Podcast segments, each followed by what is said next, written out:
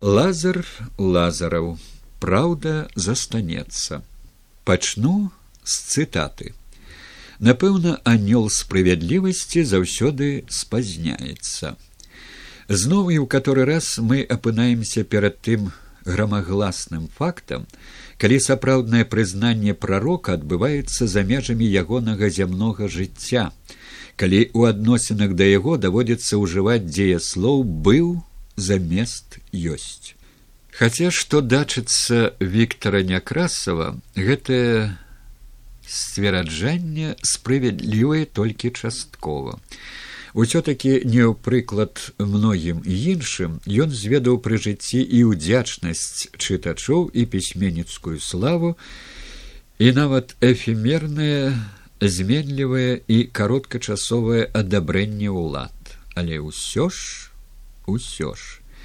Як было б добра калі б не было таго што на жаль было калі б наша літаратура развівалася так як ёй і трэба было развівацца ва ўмовах цывілізаванага дэмакратычнага грамадства на аснове адзіна магчымай для яе каштоўнасці маштабу асобы і таленту. На жаль талент як гэта у нас вядзецца здаўна не гарант прызнання, а часцей прычына для ганьбавання, збівання камянямі. Так пасля смерці Віктора Някрасова пісаў пра яго Васіль быкаў. І думаючы пра лёс быкова, я адразу ж успомніў гэтае месца з яго мемуарнага нарыса. Успомніў таму, што яно магло б служыць аўтахарактарыстыкай жыццёвага і літаратурнага адно ад другога не адарвеш, шляху самога быкова і яго ўвесь час праследавалі за талент за вернасць праўдзе. Пры таталітарным рэжыме праўда пра дзень сённяшні ці пра мінулае ўсё роўна разглядалася кіраўнікамі як небяспечная падрыўная акцыя. І з ёй і з тымі хто ёй верны вялі знішчальную вайну праўду выкарчоўвалі аб'яўлялі хлуснёй праўдалюбцам тым ці іншым чынам затыкалі рот прапясочвалі білі не вечылі рэдактарскімі асабліва цэнзурнымі патрабаваннямі не друкавалі. І быкова таксама ад начальніцкай пугі што свістала над яго галавой не абаранялі ні ягоная вялікая пісьменніцкая слава ні прызнання чытачоў. Наадварот усё гэта толькі падагравала начальніцкі гнеў. Праўда быкова не выключылі з партыі як някрасава. Ён быў беспартыйны. Не пазбавілі як някрасава грамадзянства. Час ужо ўсё такі быў не той. Але таксама выштурхнулі за мяжу. І ён вымушаны быў апошнія свае гады бадзяжнічаць на чужыне пераязджаючы з адной краіны ў другую. Іх і някрасава і быкава вяршыцелі лёсаў працягвалі пераследаваць нават і пасля смерці, відаць, лічачы, што вынесены ім калісьці прыгаворы не маюць тэрміну даўнасці і не могуць быць адмененыя.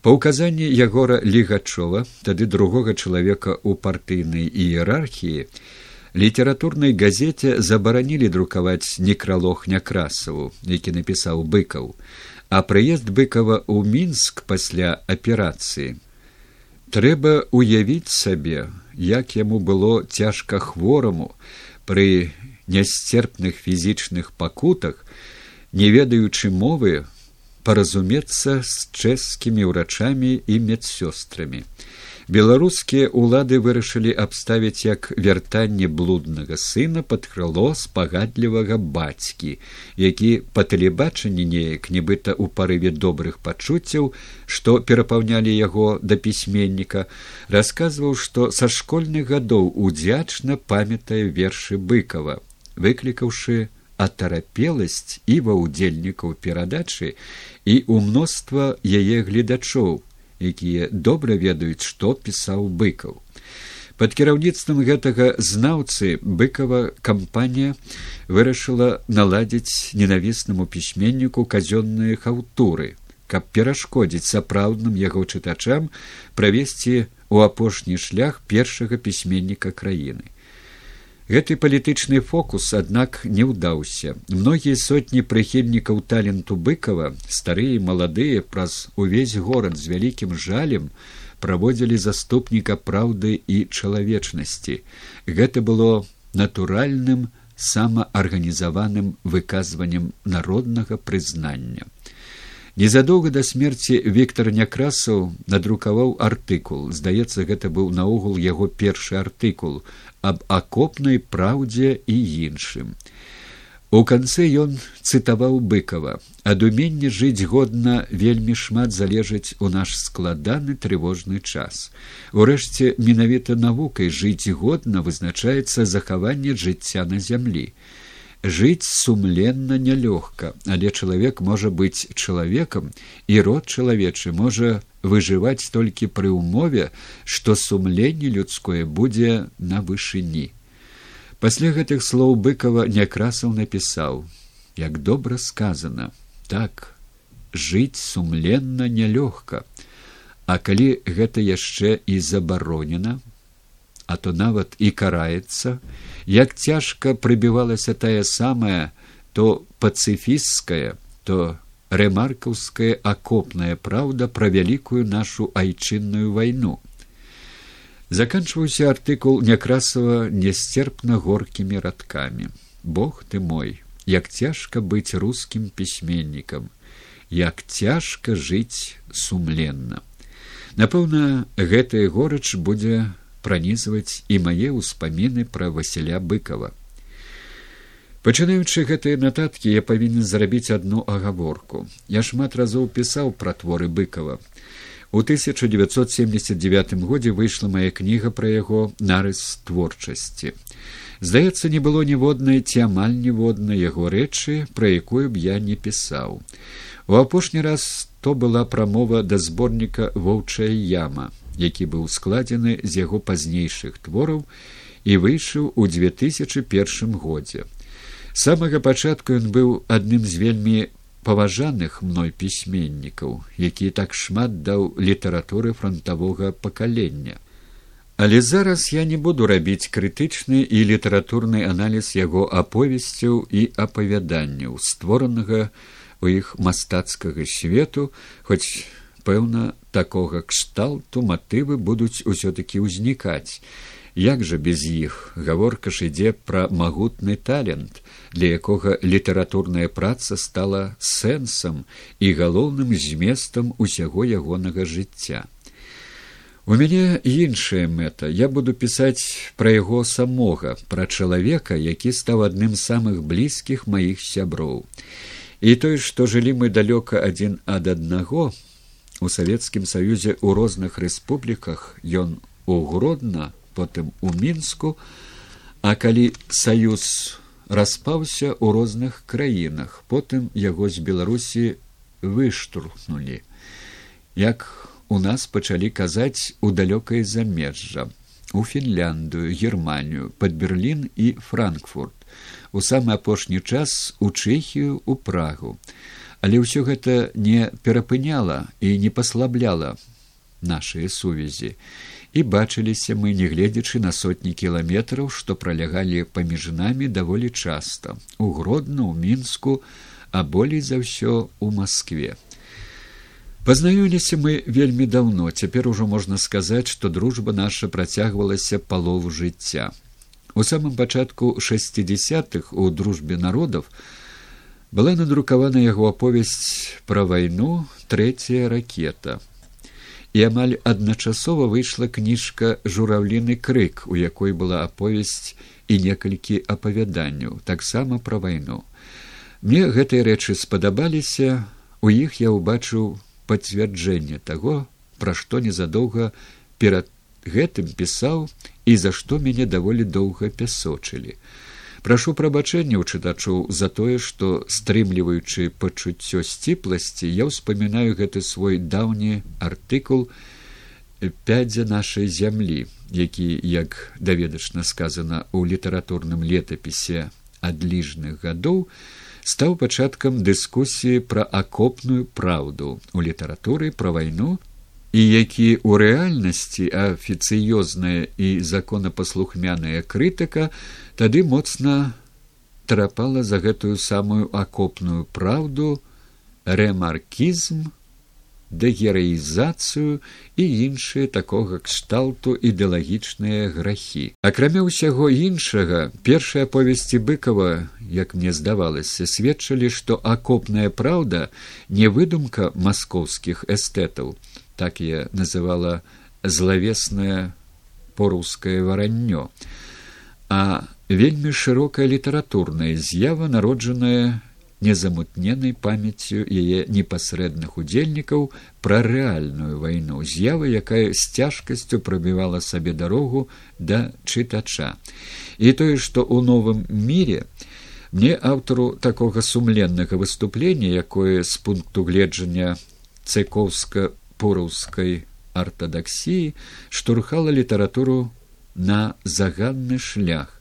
Прапанавалі напісаць пра быкаўскія аповесці было наогул падтрымкай самым лепшым нашым часопісам той прозы якую крыху пазней пачалі называць лейтэнанскай а ўспамінаю я гэтую гісторыю яшчэ і таму што напэўна яна зрабіла сваю справу ў тым што быкаў з увагай аднёсся да майго артыкула пра яго першыя рэчы. Неўзабаве я атрымаў ад яго ліст ён звяртаўся да мяне па імю і імю па бацьку і на вы і потым яшчэ ў некалькіх лістах гэта захоўвалася. Гэта быў ветлівы ліст незнаёмаму калі знаёмаму то толькі па нейкіх публікацыях чалавеку. Ён дзякаваў мне за добрыя словы. Вядома ліст быў у большай меры праявай не столькі ўвагі асабіста да мяне а праявай уласцівых яму наогул добразычлівых адносін да людзей.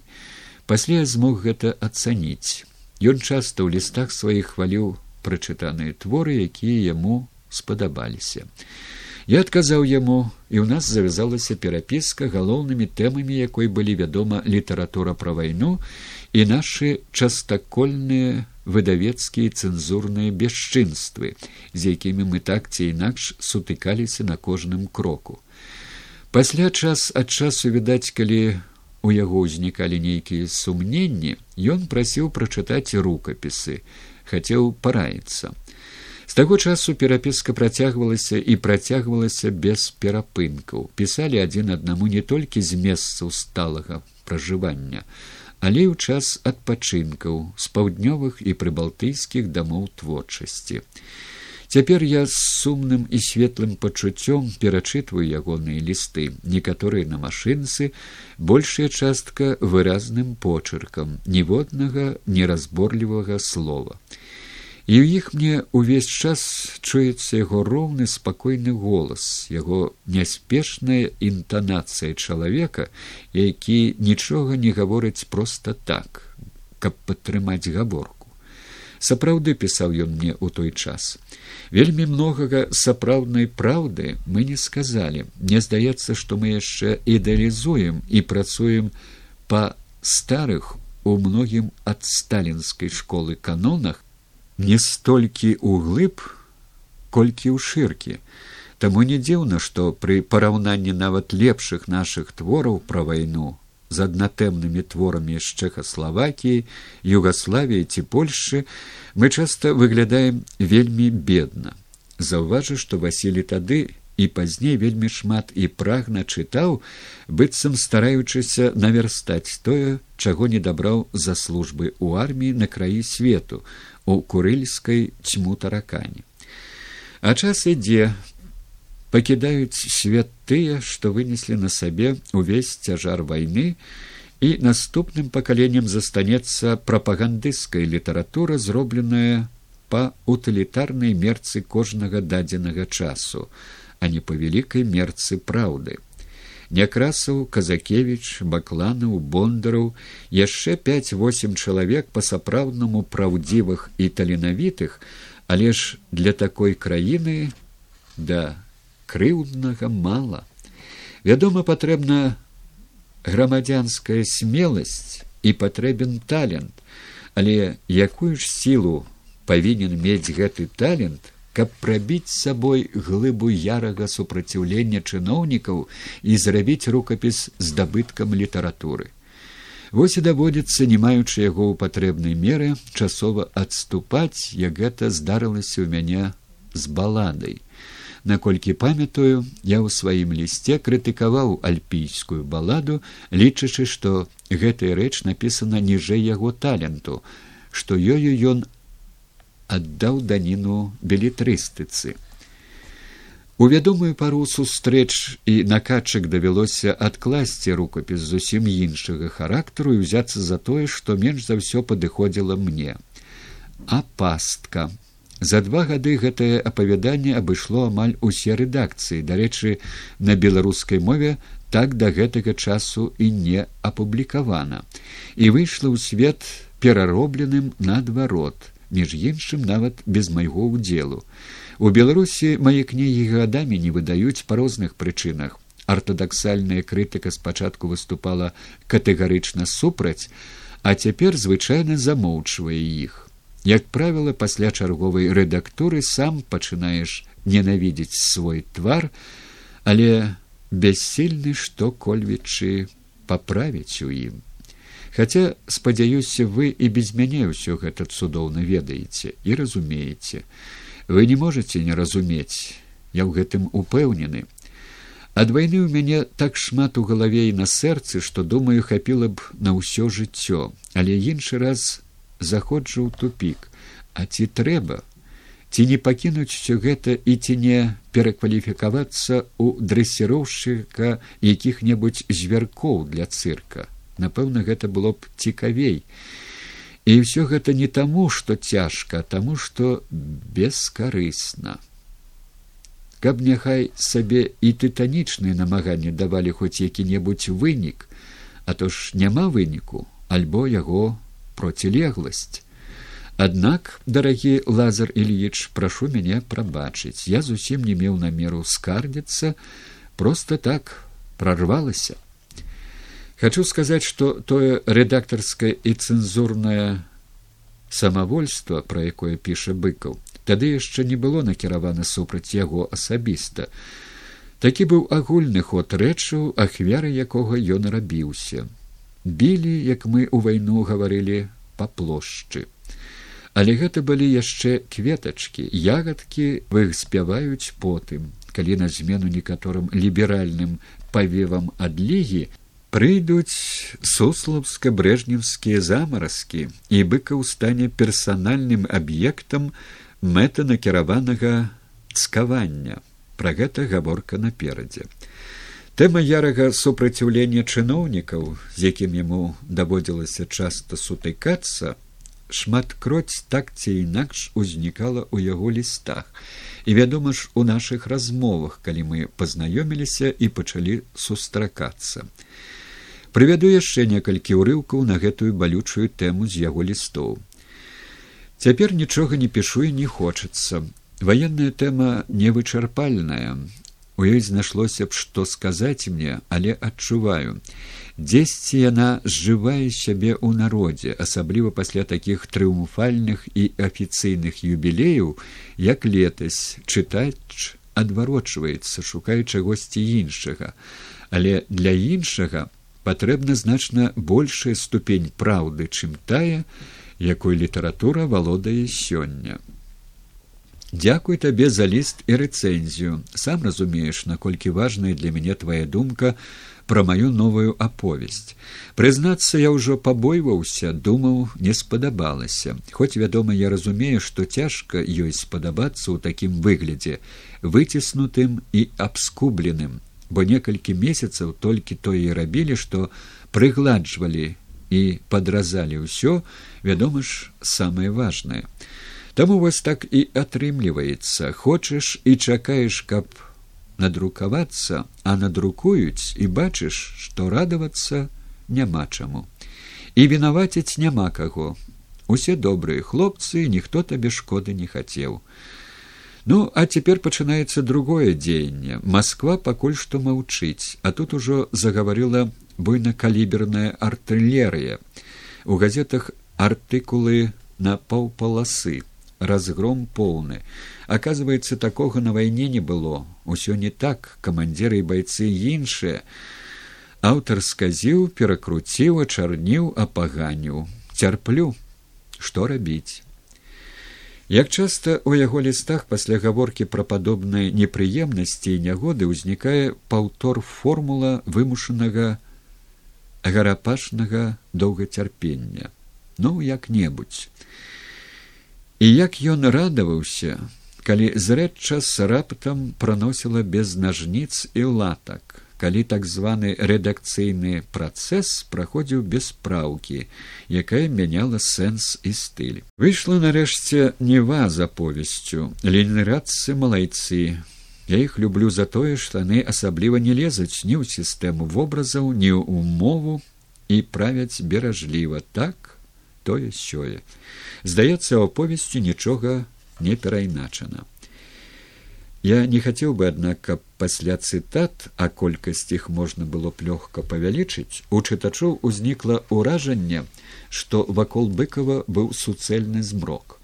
Вядома, яго хмурныя насцярожаныя адносіны не толькі да рэдактарска-цэнзурнага самавольства, але наогул да цяжкой рэчаіснасці у многім былі звязаны з тым, што ў сваіх кнігах на працягу доўгіх гадоў ён быў заглыблены ў трагічны матэрыял жорсткай жудаснай вайны. Лёсы яго герояў былі трагічныя, зноў і зноў пад знішчальным кулямётным агнём атакуюць яны немцаў, што ўмацаваліся на нейкім невядомым узгорку, які на мове вайны называецца пануючай вышынёй. Зноў і зноў агаладалыя, апранутыя бог ведаю што, зімой прамерзлыя да касцей улетку церпячы ад заедзі ідуць партызаны на заданне узрываць мост або жалезку ці разжыцца для атрада якога небудзь харчу. Ідуць не ведаючы што іх чакае на гэтай лясной паляне ці на блізкім хутары зноў зноў сціскае страшнае кола блакіроўкі воўчыя зграя карнікаў гарыць вакол лес гараць вёскі гараць людзі і не дай бог жывым. На пакуты на здзекі трапіць у лапы гэтым звярам. І разам з героямі аўтар пад кулямётнымі чэргамі што не даюць узняць галавы па горла ў балоце акружаным паліцаямі на касталомным допыце ў нямецкай камендатуры у палаючай хаце знемагаючы ад спёкі задыхаючыся ў дыме. Зноў і зноў перажываў ён вайну і сваю лейтэнанцкую і чужую таксама як сваю. Тыя каму давялося ваяваць ведаюць якая гэта нялёгкая справа пасля шпіталю дзе ў цябе не страляюць не бомбяць тры разы на дзень кормяць спіш на прасціне Праўда, раны баляць бывае вельмі моцна, але паступова гэта праходзіць, як цяжка пасля шпіталю зноў вяртацца на перадавую. добра ведаеш, што цябе там чакае. І ўсё-такі подлаталі цябе здароўе дазваляе вяртаешся. Абавязак патрабуе тваё месца цяпер на перадавой. А калі як быкаў дзесяцігоддзямі з адной кнігі ў другую у гэтай апраметнай у гэтай крывавай бойні. Ці не трэба здзіўляцца што ўсё гэта наклала не магло не накласці глыбокі адбітак на яго светаўспрымання. Але ляжаць у мяне і іншыя лісты. Яны з ірынай жонкай часта ездзілі адпачываць у ніду Ён любіў гэтыя мясціны, там яму ў далечыні ад метусні ад тэлефонных званкоў у жаданай адзіноце добра працавалася. Там ён і адпачываў душой. Наогул цаніў малалюднасць, неяк расказваў мне, што калі вельмі назаляюць рознымі неабавязковымі справамі і тэлефоннымі званкамі хаваецца ў гаражы дзе ніхто яго не можа дастаць і з задавальненнем корпаецца ў машыне. Прызнаюся гэта мяне ўразіла. Мне ў галаву не прыходзіла што ў яго можа быць нейкая цікавасць да тэхнікі. Аказваецца была.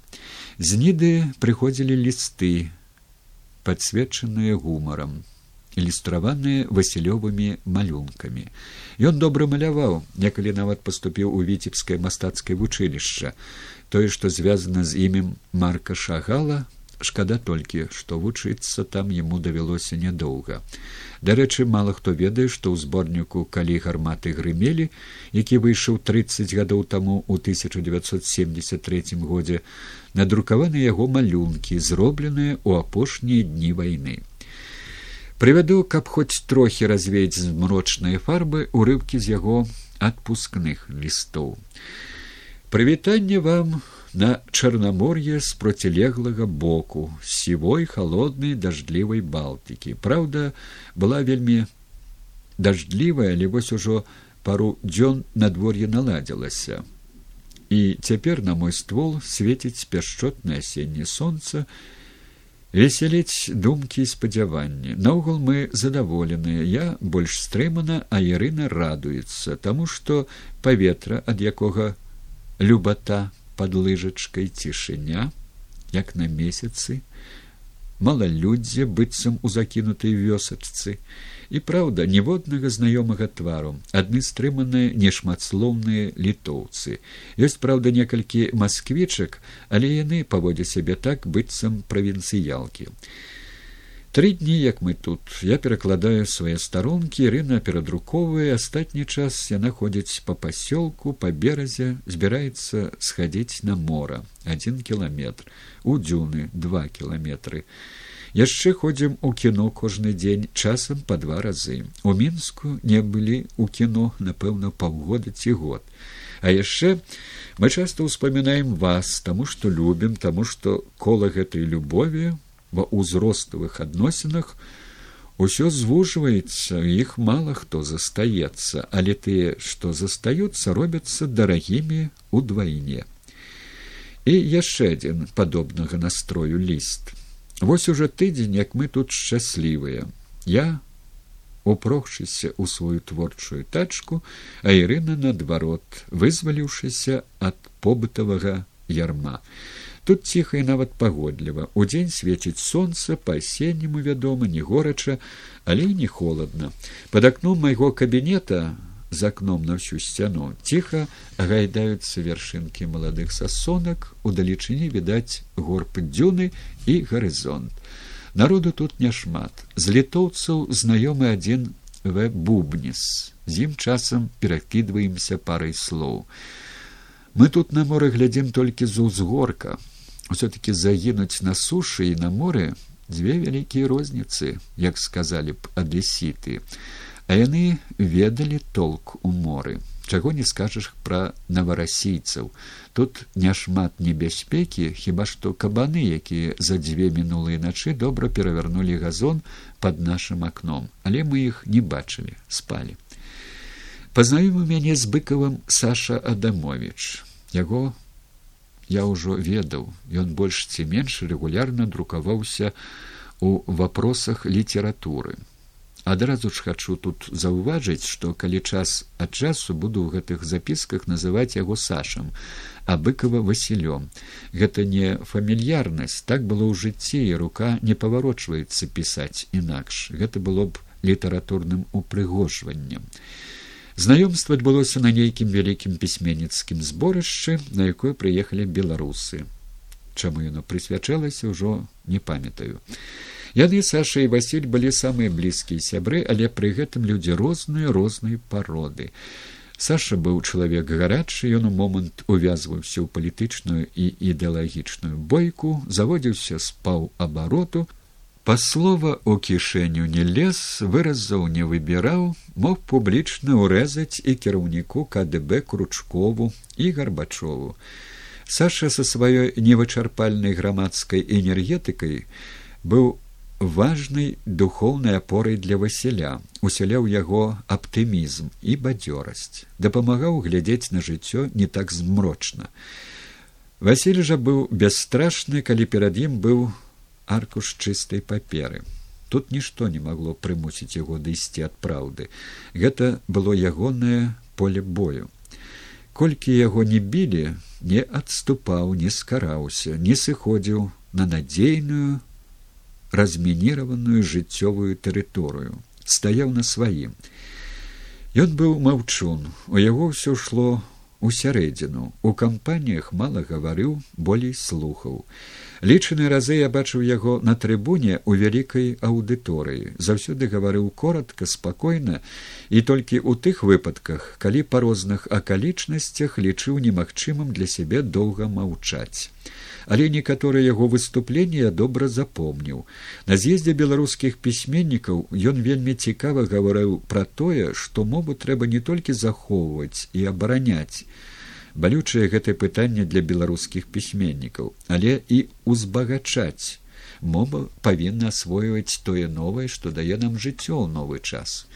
У 1975 годзе на усесаюзнай нарадзе прысвечанай ваеннай літаратуры ён як само сабой зразумелы у ліку лепшых назваў у акопах сталінграда някрасава якога незадоўга да гэтага выпкнулі ў эміграцыю і выклікаў гэтым літаратурна чыноўны пярэпалах. Калі васілі стаў дэпутатам па пісьменніцкай курыі яму і ў голову не прыходзіла лезці на трыбуну. Ён наогул ніводнай сесіі не дасядзеў да канца. Захворваў. Не дыпламатычна а на самой справе захворваў і ехаў дамоў. Я не магу слухаць што яны гавораць глядзець як яны па камандзе парткіраўніцтва аднадушна галасуюць расказаў ён мне. Сядзець яму на тэрытарыяльным прынцыпе даводзілася ў беларускай дэлегацыі якая амаль усё пагалоўна была камуністычнай партыйныя дзяржаўныя чыноўнікі. Калі шукаць іх адамовіча і быкова люстраны адбітак у кнігах быкова то саша быў радня сцепанедзе а василь петраку са знака бяды Васіль не любіў верхаглядства і паспешлівасці. Ён мог не пагаджацца стаяць на сваім, але я не памятаю яго узбуджаным у гарачых спрэчках. Здарылася, што і ў нас не супадалі ацэнкі той ці іншай з'явы, але спрэчка ніколі не ўзнікала. Гэта была не спрэчка, а абмен думкамі. Абодва яны і Адамович і быкаў сталі маімі сябрамі сашам яго грамадскім тэмпераментам завадатара прыроджанага лідара я захапляўся. Але мне відаць за падабенства наших натур характар васіля быў больш блізкі больш родны ці што? А гэта лазараў сказаў адамович прадстаўляючы мяне быкаву. Я зразумеў што быкаў маё прозвішча памятае. Мы пачалі сустракацца першы раз здаецца у цдл ці то абедалі ці вячэралі ў нейкай зборнай пісьменніцкай кампаніі а потым у кожны яго прыезд у москву ён бываў у мяне дома. Калі гэта чамусьці не атрымлівалася ён у лістах абавязкова тлумачыў чаму так здарылася. Заяўляўся абавязкова з нейкімі падарункамі. Гэта было не толькі традыцыйная наша гаручыя і цукеркі жонцы з італіі прывёз бутэльку к'янці якой было тады абсалютнай экзотыкай як рэмаркаўскі кальвадос. З мінска там пачалі выпускаць маленькі як запалкавы пачак будзільнік. Аднойчы аднекуль з-за межжа з'явіўся з велізарнай лялькай якая штосьці гаварыла і спявала. І падарыў яе маёй унучцы. Лялька была амаль такога ж росту як чатырохгадовая васіліса і яна яе пабойвалася. Хутка высветлілася што многае нас аднагодкаў я на некалькі месяцаў старэйшы аб'ядноўвае. І фронтавое мінулае лейтэнантаў акопнікаў і погляд на вайну і не толькі на вайну але і на тое што адбывалася адбываецца ў краіне. І вядома літаратурныя густы.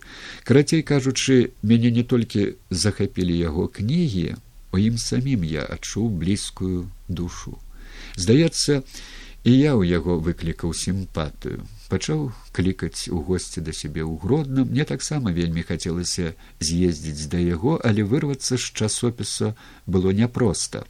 Я паабяцаў начальству інтэрв'ю быкова і атрымаў згоду. Паслаў васілю пытанні і адправіўся ў гродна. Угродны Васіль быў з малодшым сынам, таксама Васілём, такім жа нешматслоўным, як бацька, а магчыма, ён мяне незнаёмага чалавека саромеўся студэнтам медыкам. Старэйшы сын Сергей паступіў у ваеннае вучылішча, што бацьку, як я зразумеў, не вельмі задавальняла. Васіль не толькі да вайны ставіўся як да бесчалавечнай страшнай справы, у яго была стойкая невылечная ідэасінкразія да арміі да казарменных парадкаў і адносінаў. Відаць, усяго гэтага на курылах ён наеўся ў поўнай меры. Памятаю, як у адзін з прыездаў у Маскву ён паказаў мне ваенны білет і радасна паведаміў, што яго нарэшце знялі з уліку. Я засмяяўся, ды каму ты і раней быў у арміі патрэбен. Ён вельмі сур'ёзна адказаў: « Не смейся, у адзін цудоўны дзень маглі прыслаць позву і адправіць у гарнізон, куды макар цялят не ганяў. Ці яшчэ горш у абмежаваны кантынгент выконваць інтэрнацыянальны абавязак куды-небудзь у венгрую ці польшчу. Сама думка пра тое, што такая магчымасць існуе, няхай сабе тэарэтычна яго прыгнятала. Да майго прыезду інтэрв'ю было гатова. Васіль адказаў на ўсе пытанні, мы, здаецца, попрасілі два ці тры словы. Потым гэта інтэрв'ю неаднойчы перадрукоўвалася. У ім былі і матэрыялы, што характарызавалі творчасць самога быкава і нетрывіяльна яго меркаванне пра асвятленне вайны ў нашай літаратуры. Я паклаў інтэрв'ю ў портфель, а пасля правёў у гродна некалькі цудоўных дзён, якія запомніліся на ўсё жыццё. Не буду паўтараць быкава, ён напісаў пра гэта у сваёй апошняй мемуарнай кнізе доўгая дарога дадому пра тое, як паказваў мне стары гродна, як мы цэлы дзень плылі па ціхім бязлюдным нёмане у яго была маленькая моторная лодка расклалі вогнішча смажалі шашлык выпівалі. У мяне захаваўся цэлы пачак фатаграфій які ён прыслаў. Як наступным днём на маршрутцы адправіліся ў літву у друскенікі. Раскажу пра тое што мяне ўразіла нагаварыліся мы там у гродную волю я даведаўся пра нечаканыя для мяне рэчы. Ядучы да быкова я быў упэўнены, што пасля ольгі корбут славутай гімнасткі чэмпіёнкі краіны свету і алімпійскіх гульняў ён самы вядомы і паважаны ў гэтым горадзе чалавек. А яго ўжо было вядомае літаратурнае імя і мясцовыя ўлады павінны ганарыцца такім земляком. Аказалася, што яны У тым ліку і нядрэмнае КДБ сапраўды праяўлялі да яго вялікую цікавасць, але таму, што ён быў у іх пад падазрэннем, збіралі на яго матэрыял, бачыш у ім крыніцу небяспечнай палітычнай крамолы. Атручвалі, як маглі жыццё яму і ягоным блізкім.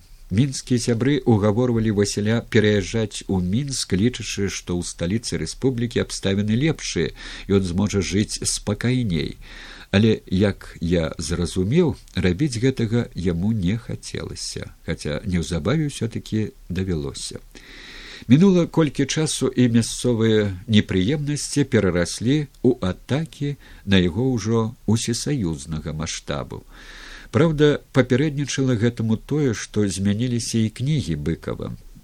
Знаходзячыся да гэтага ў асяродку лейтэнанцкай прозы, пафас і праблематыка якой былі і ў тым каб праўдзіва не змякчаючы і не замоўчваючы расказаць пра перажытае і ўбачанае на пярэднім крае зараз быкаў выбірае новы маршрут пачынае пракладваць іншую сцяжыну Сталая проза быкова, у аснове якой у бальшыні падзеі і людзі партызанскай вайны ставіла перш-наперш праблемы маральна-філасофскія. Ён сканцэнтраваўся на даследаванні сацыяльна-маральных калізій, даведзеных да краю сталінскім рэжымам і татальнай знішчальнай вайной, якую прынеслі на нашу зямлю гітлераўцы. Ён імкнуўся высветліць, што адбываецца ў гэтых умовах з чалавекам. Больш за ўсё быкава цікавіць паводзіны людзей у вельмі цяжкіх экстрэмальных сітуацыях. І ён стараецца дакапацца да першапрычын маральных вытокаў чалавечых учынкаў вернасці і здрады зладзейства і чалавечнасці мужнасці і слабасці пранікнуць у схаваную пры звычайных умовах і аголеную жорсткімі выпрабаваннямі глыбінную сутнасць характараў і абставін. Гэта вечная і заўсёды новая для літаратуры праблема. Чалавек і варожыя яму акалічнасці якія часам загортваюць яго будучы ў ім энергію супраціўлення часцей не вечаць разбураюць яго душу юрый трыфанаў гаворачы ў той час пра перспектывы нашай ваеннай літаратуры справядліва заўважыў што пісьменнікам трэба ісці далей. У сённяшні дзень знаходзіць у ваеннай тэме балявыя кропкі якія баляць дасюль. І ў якасці прыкладу назваў быкова яму гэта ўдаецца. Я толькі зрабіў бы тут адно але істотнае дапаўненне не папраўляючы трыфанова а разбіваючы яго думку праз гісторыі які расказаў быкаў выступалі не толькі нашы сённяшнія болі і беды але і фундаментальныя вечныя праблемы чалавечага быцця. Быкаў адным з першых у нашай літаратуры пасля сталінскіх часоў не толькі ў літаратуры пра вайну хачу гэта падкрэсліць адвергнуў так званую класавую мараль мараль на тое што служыць справе пралетарыяту. Гэтай высокай мэты апраўдвае любыя сродкі якая паслядоўна і мэтанакіравана прапагандавалася дзесяцігоддзямі як вышэйшае дасягненне грамадскай гісторыі і сацыяльнага вопыту сцвярджаючы адзіную агульначалавечую мараль якая адмаўляе заганныя сродкі што непазбежна вядуць і прыводзяць да бесчалавечнасці. Развенчанне гэтага заразнага ідэалагічнага фетышу які падобна ракавай пухліне пранік ва ўсе клеткі нашага жыцця лейтматыў унутраны падмурак сталай творчасці быкова гэтаксама рашуча адвяргае быкаў такія абавязковыя тады ідэалагічныя удакладненні паняцці гуманізм як рэвалюцыйны сацыялістычны. Справядліва лічачы што на самой справе гэтае удакладненне толькі маска под якой хаваецца адмаўленне чалавечнасці. А гуманізм не проста термін к таму же говорят абстрактны пісаў давід самойлаў. Для быкова гуманізм быў не абстрактным сумнеўным паняццем а неабходнай умовай жыцця чалавека і грамадскага уладкавання.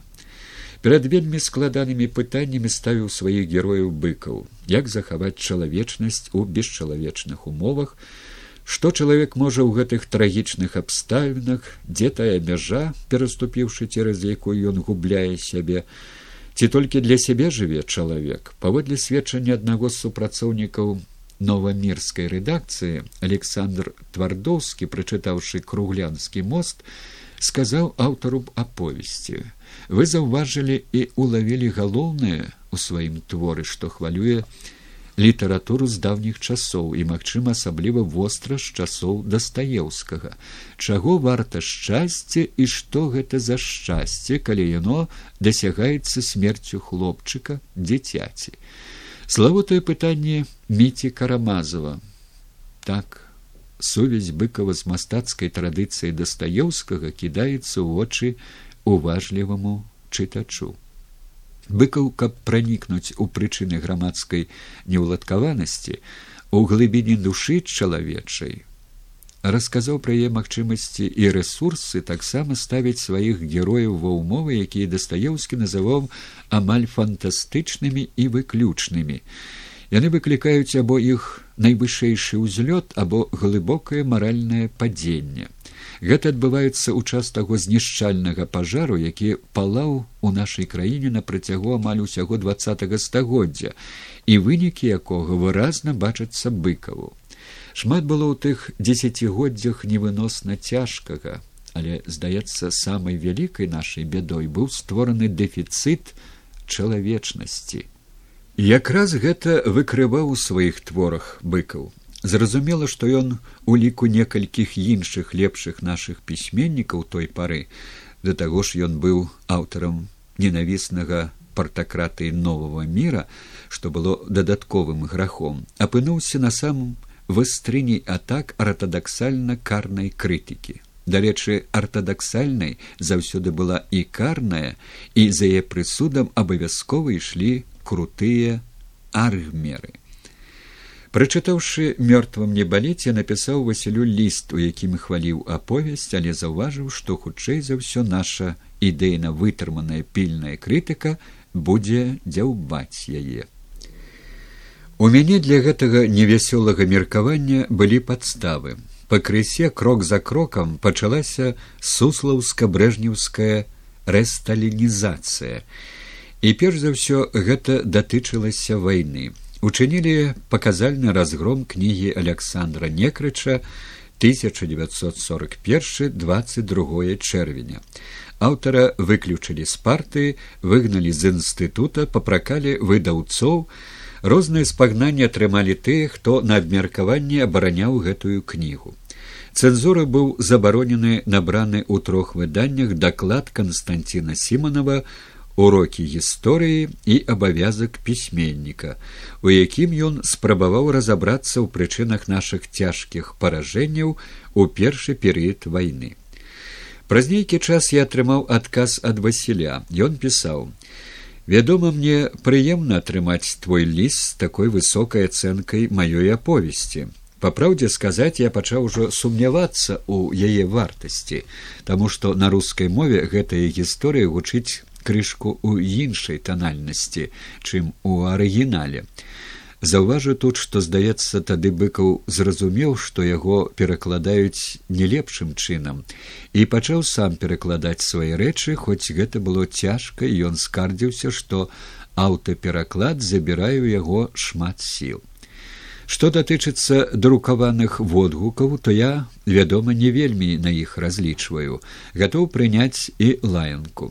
Цяпер мне нічога не страшна, таму што моя справа зроблена, я выказаўся, а маім аднадумцам і абаронцам сардэчна дзякую. Я заўсёды памятаю, што кожнае праўдзівае слово ў літаратуры, выклікаючы гнеў артадоксаў, прыцягвае і сяброў, чыя падтрымка ўрэшце, нашмат важнейшая чым злосць нікчэмнасцяў так я прадбачу нападкі на мёртвым не баліць падлізанскай крытыкі але прызнаюся не мог сабе уявіць якая вакол аповесці быкова пачнецца вакханалія.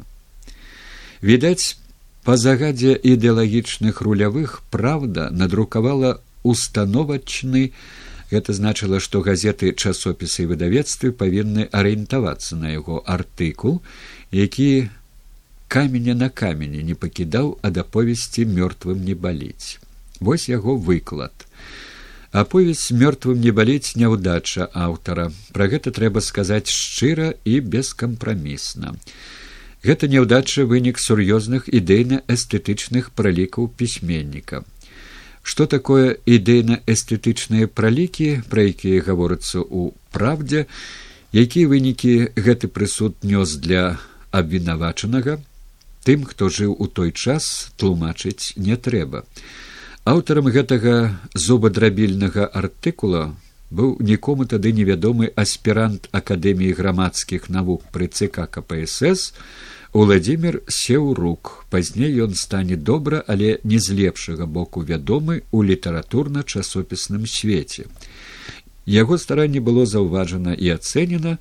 Яго запрасілі на працу ў цк ён там хутка як на дражджах рос стаў вялікім начальнікам у аддзеле прапаганды адным з самых злосных тамашніх цербераў я называю яго таму што доўгія гады дзе толькі мог і як толькі мог ён пераследаваў цкаваў быкова а тады яго артыкул у праўдзе паслужыў сігналам для разгрому і круглянскага моста які быў надрукаваны неўзабаве пасля мёртвым не баліць па аповесці тапталіся ўсе ад учительской газеты до літаратуркі Па ўказанні сеўрука ён курыраваў не толькі газеты і часопісы, але і цэнзуру.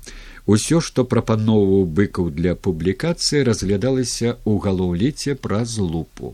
Дзякуючы яго нястомнай дзейнасці, у гэтым напрамку толькі праз 11 гадоў пасля часопіснай публікацыі з'явілася кніжнае выданне круглянскага моста.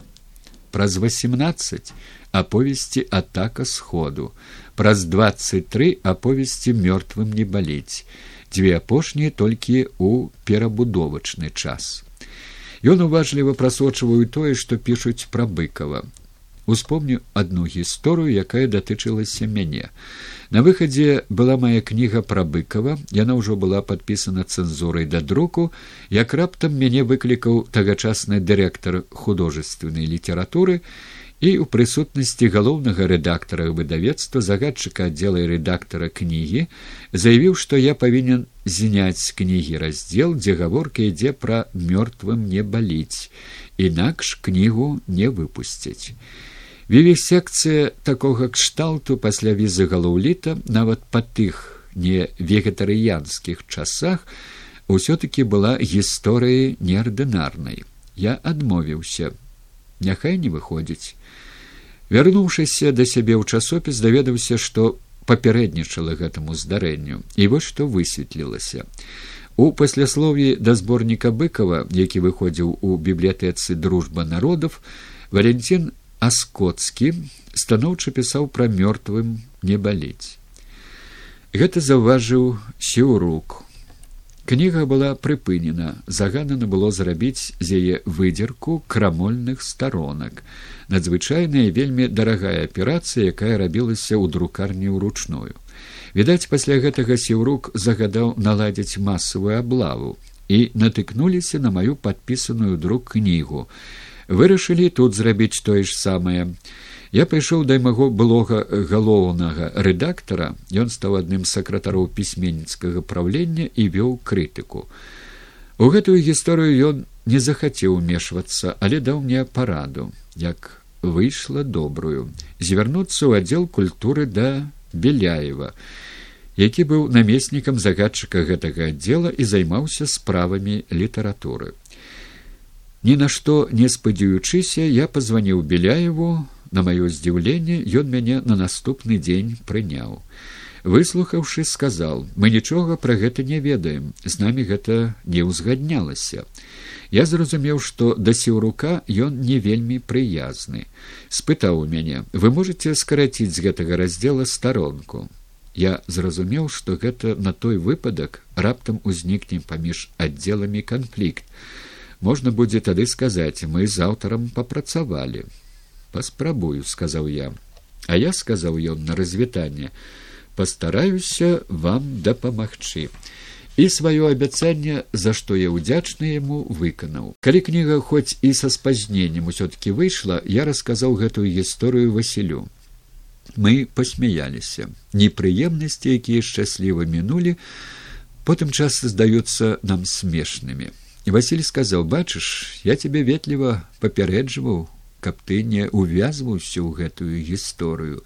Будзеш як я сёрбаць усялякую дрэнь. Сапраўды калі я напісаў яму што ў мяне ўзнікла ідэя напісаць пра яго кнігу ён быццам прачуваючы што мяне можа чакаць перасцярог. Ты пішаш што збіраешься пісаць пра мяне кнігу і гэтая вестка не скажу каб узрадавала хутчэй заклапоціла быццам яе пісаць не табе а мне самому. Але ў гэтай справе ёсць несумненная карысць. Напэўна мы лішні раз з табой сустрэнемся. У москве ці тут угродна і гэта добра. Пасля выхаду сотнікова выкрывальніцкая хваля якой бомбілі быкова пайшла на спад.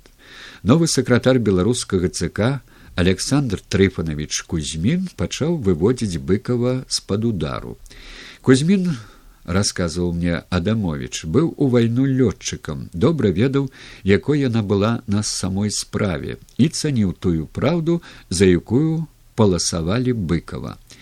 Я аднойчы бачыў яго. Ён прымаў нас масквічоў запрошаных на з'езд беларускіх пісьменнікаў. Доўга з намі гутарыў і зарабіў на мяне ўражанне не партбурона, а нармальнага сур'ёзнага чалавека. У 1974 годзе за аповесці абеліск і дажыць да світання быкаву прысудзілі дзяржаўную прэмію. У 1980 годзе яму было прысвоена званне народнага пісьменніка беларусі. У 1984 годзе героя сацыялістычнай працы. Вядома, ва ўсім гэтым адыграла ролю тое, што адносіны да яго ў Беларусі на той час змяніліся. Я пішу пра гэтыя званні і ўзнагароды быкава без ценю сарамлівасці. Мы добра ведалі і не забыліся, як часта высокія званні і ўзнагароды атрымлівалі няздары і прайдзе светы якія верна служылі ўладам. Але тым радасней было, калі званнямі і ўзнагародамі узнагароўваўся, як у выпадку з быкавым сапраўдны яркі талент, ды які да таго ж вельмі шмат пацярпеў ад рэжыму краіны, дзе жыў і працаваў. І для вялікай радасці яго чытачоў гэта было перамогай справядлівасці. Я мог пераканацца у тым, пабываўшы на шестидесятгоддзі быкова. Вялікая зала тэатры мяянкі купалы была набіта бітком. Яблыку не было дзе ўпасці.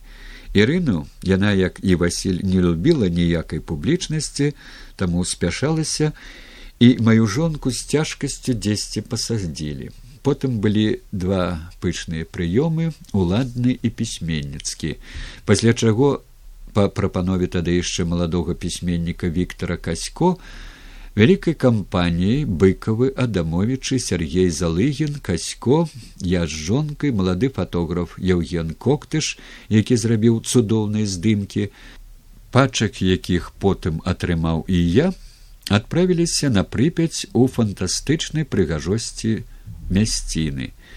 Гаі векавых дубоў.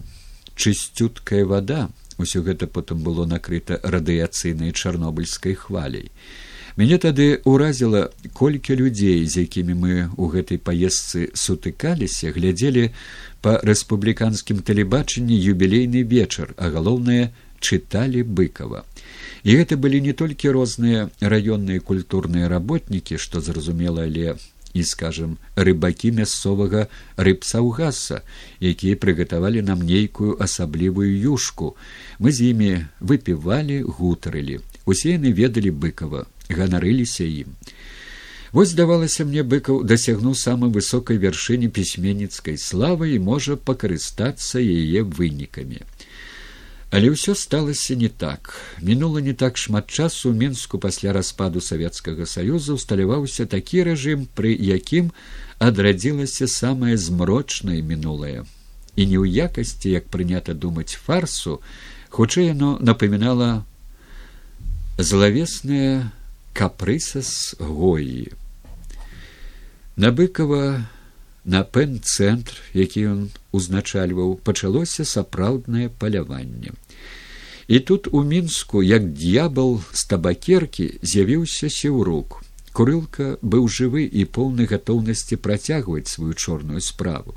Страціўшы кіраўнічае крэсла на маскоўскім партыйным алімпе, а разам з гэтым крэслам салодкую магчымасць забараняць, не пушчаць, скаваць нялюбых, непакорных, Ён, калі ў Беларусі стаў уладарыць Лукашенко, прыехаў туды і пачаў адыгрываць важную ролю ў культурным жыцці краіны.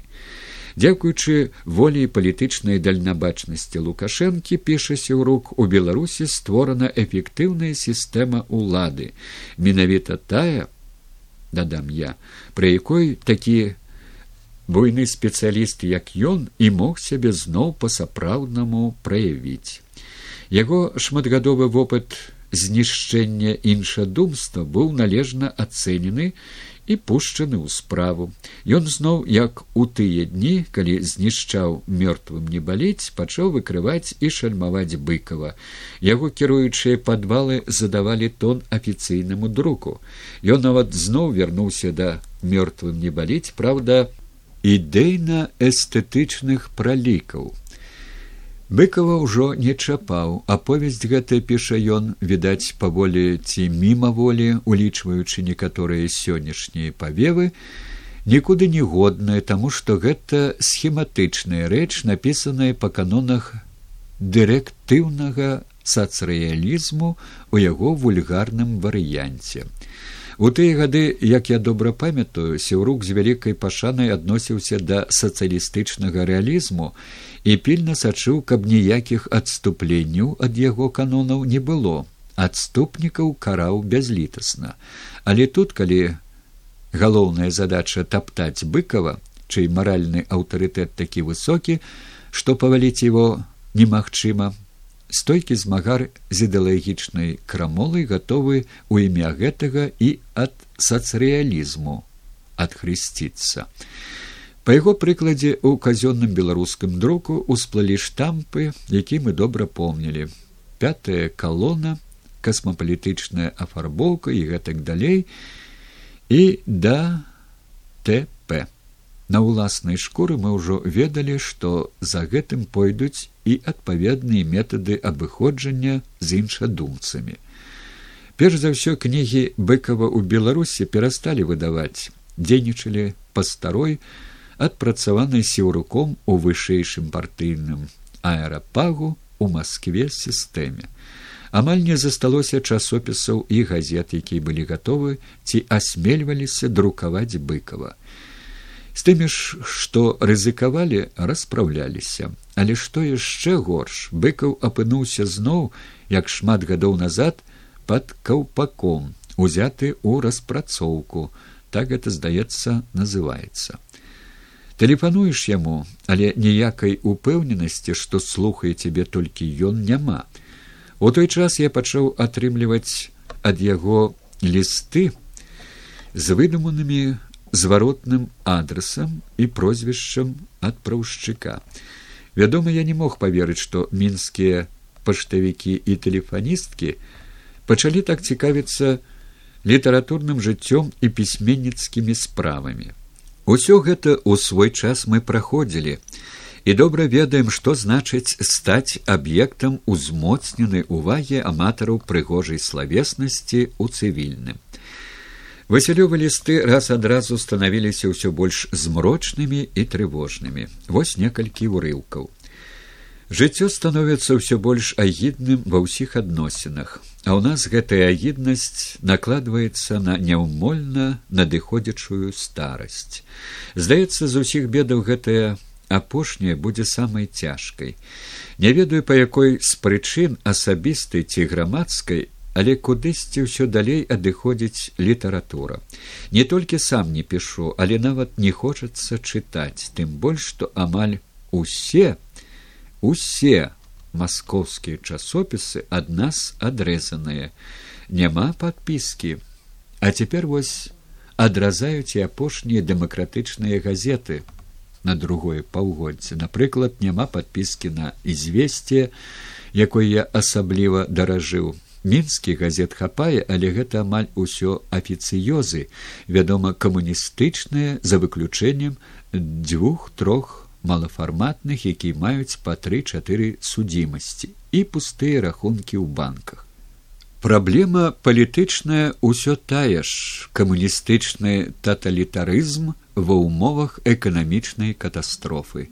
Не ведаю, калі мы сустрэнемся і ці сустрэнемся, але мы заўсёды памятаем вас. І здаецца, наша дружба ніколі не азмрочаная пойдзе разам з намі. З паездкамі здаецца ўсё скончана, ездзяць няма куды, ды да няма чаго. рэйсавыя аўтобусы адменены, а на сваёй машыне 1200 рублёў літр бензіну. Пры маёй пенсіі 80 тысяч, што роўна 13 даляраў. Ірына атрымлівае яшчэ менш 55 тысяч. А я думаю, кола замыкаецца. Пачалося жыццё ў беднасці, недаяданні, тым і скончыцца відаць, хоць і тое добра, не будзе пра што шкадаваць. У такім маім жыцці вельмі востра адчуваю адсутнасць сашы, адсутнасць у жыцці. Шмат на што цяпер гляжу ягонымі вачымі.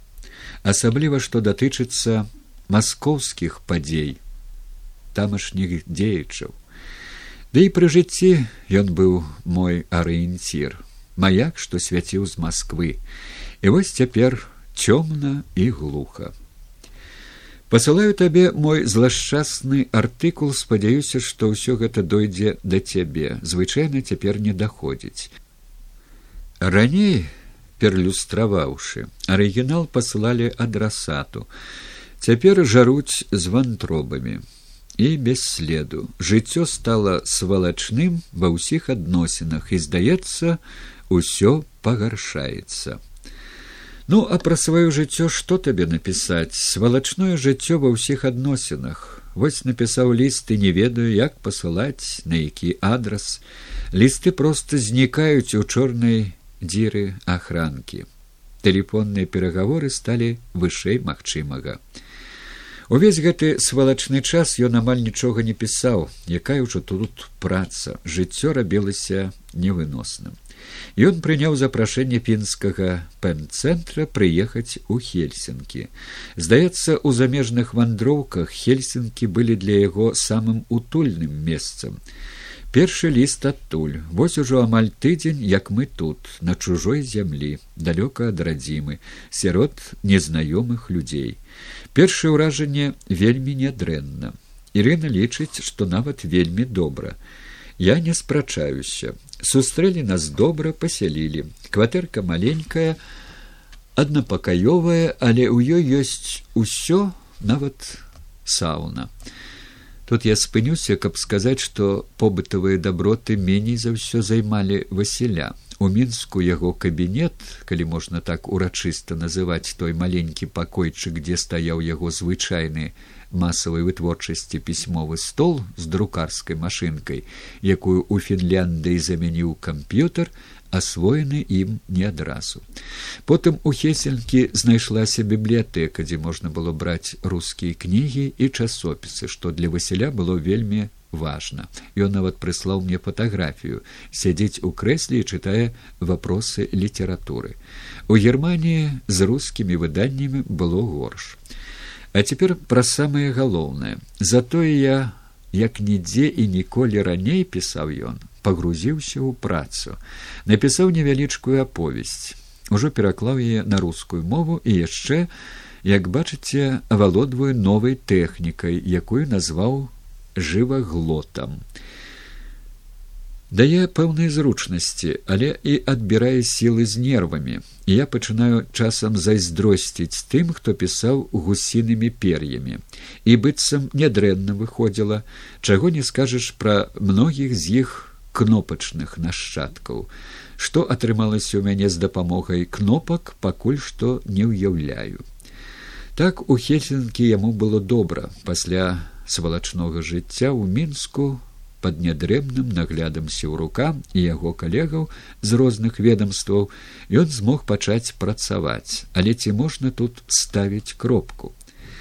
У 1897 годзе ўрачы прадпісалі чэхаву. Ён пачаў тады каркаць крывёю правесці восень і зіму на поўдні ён паехаў у ніцу там ён адчуваў сябе лепей сонечна цёпла чыстае паветра ён нават пачаў думаць ці не пасяліцца наогул у ніцы потым выбраў ялту але ў лісце сонечнай ніцы скардзіўся сястры працую да прыкрасці недастаткова шмат і недастаткова добра бо працаваць на чужой старане за чужым сталом нязручна.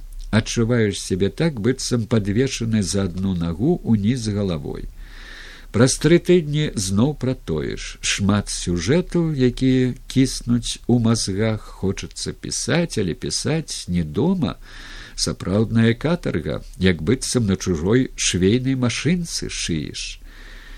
Я успомню пра гэтай скаргі чэхава думаючы пра быкава якому мяняючы краіны давялося вандраваць як перакаці поле. З аднаго месца ў другое жыць у чужых кватэрах працаваць за чужымі сталамі. Так жыць і пісаць у мінску стала немагчыма але вандроўкі на чужыне наўрад ці прыбаўлялі яму сілы і здароўя. Ён жа не быў асілкам даўно хварэў на астму. Я быў сведкам некалькіх цяжкіх прыступаў. І гадоў яму было ўдвая болей чым чэхаву калі ўрачы параілі яму перазімаваць у ніцы калі быкавы перабраліся ў прагу апошні пункт іх замежных блуканняў там не адразу наладзілася іх жыццё былі нейкія цяжкасці з кватэрай потым усё як быццам паправілася але хутка яго пачаліся болі. Я не адразу надаў гэтаму значэнне па-ранейшаму лічачы галоўным яго ворагам астму. Потым яго аперыравалі. Я некалькі разоў пасля гэтага гаварыў з ім па тэлефоне Ён раптам сказаў, што магчыма паедзе далечвацца ў мінск і я зразумеў, што справы вельмі дрэнныя. Вось яго ліст з прагі перад ад'ездам у мінск. Гэта развітальны ліст, толькі ён вядома гэтага не гаварыў. Ён быў з тых, хто моўчкі церпіць свае беды, ды і так усё было зразумела. Прайшоў месяц з дня аперацыі пісаў ён, але я ўсё не магу прыйсці ў норму. Вострыя болі прайшлі але тупыя засталіся. Гэтыя даймаюць па-ранейшаму асабліва ўначы. У бліжэйшы час мяне чакаюць некалькі курсаў хіміятэрапіі не ведаю як яна мне абыдзецца. А наогул здаецца я зрабіў памылку даверыўшыся сябрам і звярнуўшыся да медыцыны. Ну крыху пабольвала у баку часам. Быццам нічога страшнага. А цяпер у адначасе з нармальнага ператварыўся ў інваліда. Сапраўды не чапай ліха пакуль ціха. Не ведаю яшчэ не гавораць колькі там метастазаў. Ідзе. Валя аскоцкі прыслаў мне вельмі грунтоўны і суцяшальны ліст заклікае да бадзёрасці і аптымізму. Вядома, дзякуй яму, але тут ніякія суцяшэнні не памогуць. Самае лепшае памаўчаць, маўчанне гучней за ўсе словы. Ірына наогул стараецца абыходзіцца без слоў пра хваробу. Паводзіць сябе са мной так, як са здаровым. Праўда, часам зрываецца хоць і ненадоўга. Як-небудзь збяру паболей сілы і паедзем на радзіму, дзе мяне, вядома, чакаюць не толькі сябры але і іншыя рыхтуюць сустрэчу. Дарагія мои сябры мы з ірынай вельмі жадаем вам здароўя і дабрабыту. Вельмі хацелі б яшчэ сустрэцца але не ведаю. Абдымаем вас. Трымайцеся. Вось такі горкі ліст. Апошні раз я размаўляў з ім у суботу. У панядзелак ён павінен быў класціся у мінскі анкацэнтр. Жыць яму заставалася лічаныя дні.